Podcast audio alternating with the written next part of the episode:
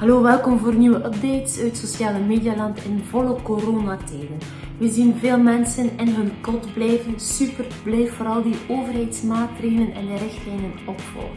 Vanuit je kot kan je actief zijn op het online dorpsplein sociale media. En ook dat gebeurt massaal. We zien het op onze tijdslijnen allemaal. Welke leuke content gedeeld wordt. Het videobellen dat gebeurt. En ook andere online nieuwe gewoonten die zich aan het nesten zijn. Facebook maakte bekend dat Messenger en WhatsApp met meer dan 50% gestegen zijn in het gebruik. En daarom hebben we 5 tips hoe jij jouw zaak kunt draaiende houden via Messenger. 5 stappen die je kunt gaan toepassen. De eerste is Open de shop-functie op jouw Facebookpagina. Met een beetje creativiteit is dit een mogelijkheid voor veel sectoren om te gaan toepassen. Tweede is koppel dit aan Messenger zodat mensen langs die weg kunnen bestellingen doorgeven.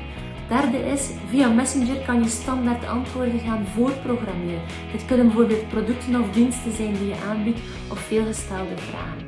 Vierde is, open de mogelijkheid om online te betalen via Messenger. Dat is eigenlijk een koppeling die je maakt tussen de bank-app die je hebt en het doorsturen van de link om te betalen via Messenger. En de vijfde tip is adverteer lokaal. Laat mensen weten dat ze bij jou nog terecht kunnen om nu al ticketjes te reserveren of een bestelling door te geven of een inbeschrijving te boeken of whatever. Heel veel succes met deze tips en laat even weten of jij daarmee aan de slag gaat. Toi toi toi!